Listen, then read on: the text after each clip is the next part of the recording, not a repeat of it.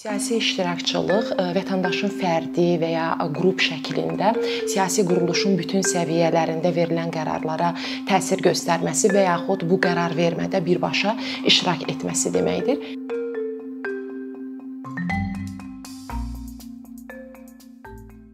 Bu gün biz Azərbaycanda qadınların siyasi iştirakçılığı haqqında danışacağıq. Ancaq e, mövzuya başlamazdan əvvəl biz e, siyasi iştirakçılıq nədir və siyasi iştirakçılığın hansı formaları var, bunlara nəzər salaq və e, bunu nəzəriyyə çərçivəsində buna baxaq. Siyasi iştirakçılıq vətəndaşın fərdi və ya qrup şəklində siyasi quruluşun bütün səviyyələrində verilən qərarlara təsir göstərməsi və yaxud bu qərar vermədə birbaşa iştirak etməsi deməkdir.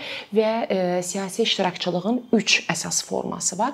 Birinci forması e, konvensional, yəni şərti olan iştirakçılıqdır.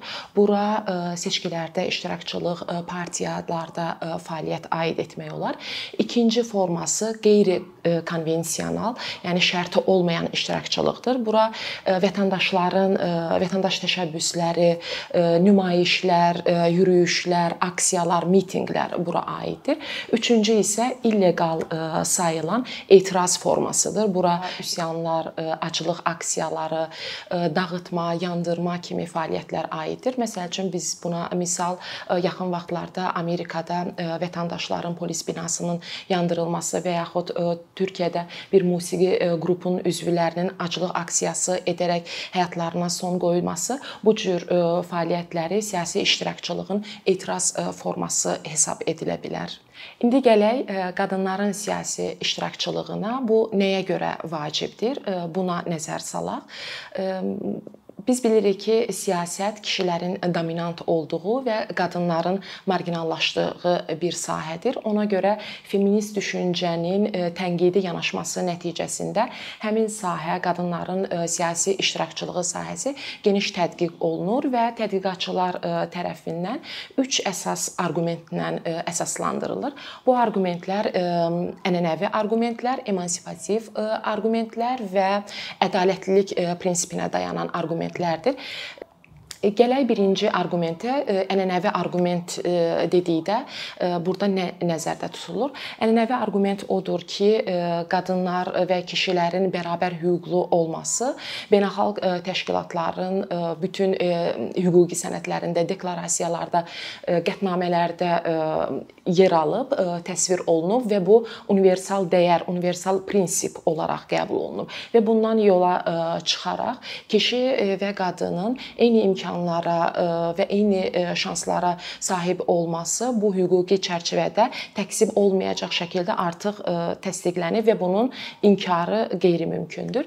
İkinci arqument ondan ibarətdir ki, emansipativ arqument bu patriarxal siyasi sistemə alternativ bir yanaşmanın olmasının vacibliyinə vacibliyi ilə əsaslandırılır. Məsəl üçün qadınların siyasətdə iştirakçılığı cəmiyyətdə olan bütün bütün inkişaf prosesinə, eyni zamanda demokratiyanın keyfiyyətinin yaxşılaşdırılmasına təsir göstərə bilər və buna görə də tədqiqatçılar emansipativ arqument olaraq bunları göstərirlər.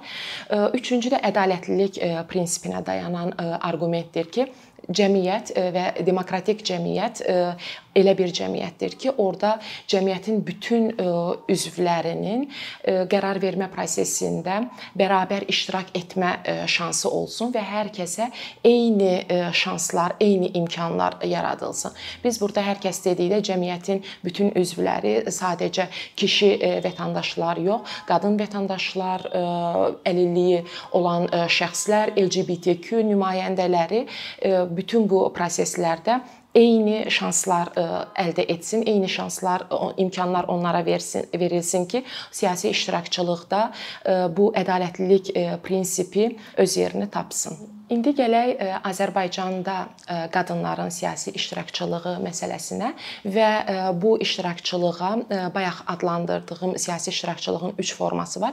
Birinci forması konvensional, yəni şərti iştirakçılıq formasından yola çıxaraq Azərbaycanda olan vəziyyəti dəyərləndirək. Çünki digər formalar onlar özü ayrıca bir mövzulardır, ayrıca bir baxışlardır. Bu gün amma fokuslanacağıq siyasi Azərbaycanda qadınların siyasi iştirakçılığının birinci forması olmasına. Başqa digər ölkələrdə olduğu kimi Azərbaycan da kişilər, siyasət kişilərin dominant olduğu və qadınların marginallaşdırıldığı sahədir və bizə bunu deməyə bir çox əsasımız var. Məsələn, BMT-nin gender bərabərliyi və qadınların səlahiyyətlərinin artırılması qurumu illik siyasətdə qadınlar xəritəsi tərtib edir, dərc edir və 2020-ci il üçün bu il üçün Azərbaycan həmin xəritədə ən sonuncu 181-ci yerdədir və bizdən sonra ancaq Burundi, e, Səudi e, Ərəbistan, e, Tayland və digər 3 ölkə gəlir. Bu Azərbaycanda əslində qadınların siyasi iştirakçılığının hansı vəziyyətdə olduğunu göstərən ən əyani sübutdur ki, bu bu xəritə qadınların siyasətdə iştirakçılığı xəritəsi bizə Azərbaycanda olan mənzərəni də əslində göstərir. Azərbaycanda siyasi qadınların siyasi iştirakçılığının vəziyyətinin dəyişməsi üçün e, nələr etməlidir və kim bunun üçün e, nə etməlidir? Biz burada e, bu vəzifə ilk olaraq siyasi partiyaların vəzifəsidir. Onların öhdəliyinə düşən və onların fəaliyyət çərçivəsində yer almalı olan bir istiqamətdir. Çünki siyasi partiyalar siyasətə girişin və siyasətə atılmanın ilk qapısıdır və e, buna görə də e, tədqiqatçılar e, qadınların siyasi iştirakçılığı məsələsində də birbaşa və ilk növbədə siyasi partiyaların rolunun önəmli olduğunu bizə deyirlər. Azərbaycanda qeyd edilə bilər ki, qərarverici vəzifələrdə və yaxud seçkili orqanlarda qadınların təmsilçiliyi var az da olsa var. Lakin bu biz bu az faizə də az faizi də əslində mübahisələndirə bilərik. Çünki siyasətdə qərar verici vəzifələrdə və yaxud seçkili orqanlarda, parlamentdə və yaxud bələdiyyədə təmsil olunan qadınlar əslində hansı meyarlarla seçilir və hansı qadınlar bu işləri görməyə, siyasi iştirakçılığa, iş, siyasi iştirakçılıqda təmsil olunmağa onlara qapı açılır. Bunun meyarları əslində Azərbaycanda yenə mübahisəli olaraq qalır və əsas olan qadınların siyasi iştirakçılığında iştirakçılığı üçün qadınları siyasətə cəlb etmək üçün hansı meyarlar olmalıdır? Bu meyarlar təəssüf ki, Azərbaycanda təmsil olunan seçkili orqanlarda və siyasi partiyalarda təmsil olunan qadınların seçilməsində çox da gözə çarpmır. Hazırda Azərbaycanda qərarverici vəzifələrdə və seçkili orqanlarda parlament, bələdiyyə olsun, burada qadınların iştirakçılığı təəssüf ki, təbii olaraq görülmür və bu Azərbaycanda qadınların psevdo siyasi iştirakçılığı olduğunu göstərir. Biz burdan yola çıxaraq görürük ki, qadınların siyasi iştirakçılığında partiyaların rolu nə qədər vacibdir və belə biz görə bilərik ki, Azərbaycanda qadınların siyasi iştirakçılığının təşviqatı və siyasi iştirakçılığın artırılması üçün siyasi partiyalar çox iş görməlidir. Və bunun üçün siyasi partiyalar bu o deməkdir ki, siyasi partiyalar köklü dəyişsin və qadınların siyasi iştirakçılığını təşviq etməsi demək olar ki, siyasi partiyalarda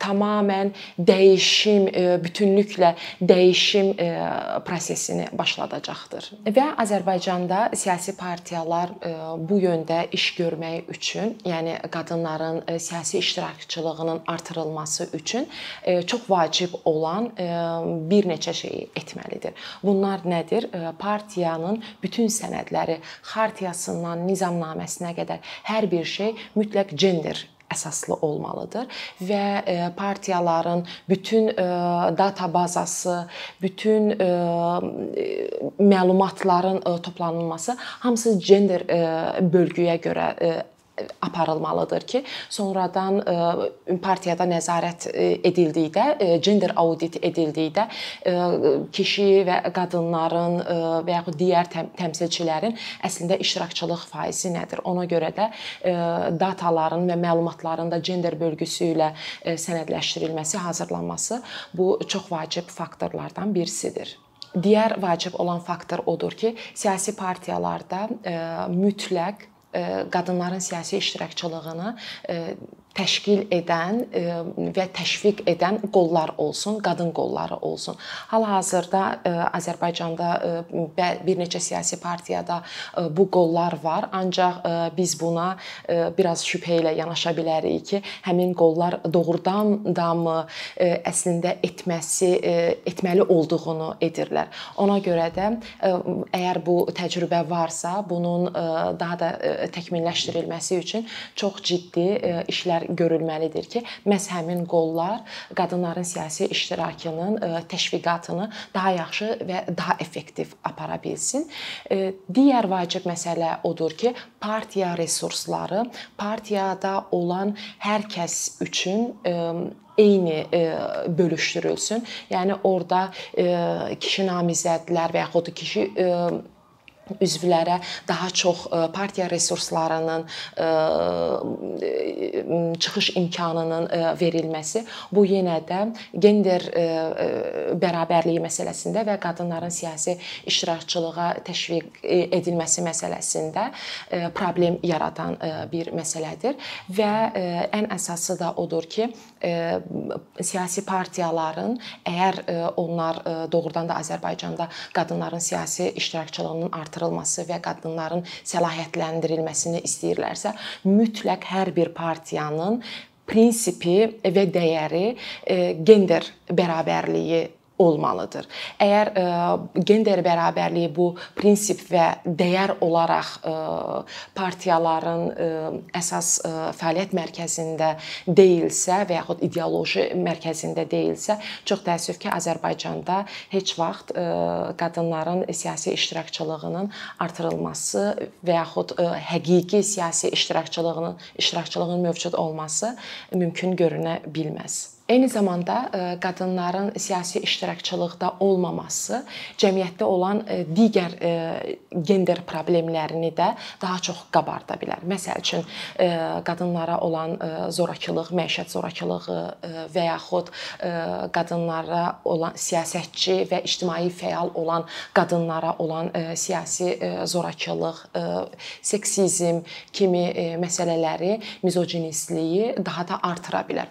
Ona görə də cəmiyyət cəmiyyətdə bu problemlərin aradan qaldırılması üçün qadınların siyasi iştirakçılıqda daha çox e, olması, aktiv olması bu problemləri azaldacaq. Çünki siyasiləşən e, qadın e, daha azad e, qadın, e, daha azad qadındır və e, öz hüquqlarını bilən qadındır. Ona görə də Azərbaycanda qadınların siyasiləşməsi çox vacib faktorlardan birisidir ki, digər mövcud olan problemlərin hamısının da faizi aşağı düşsün.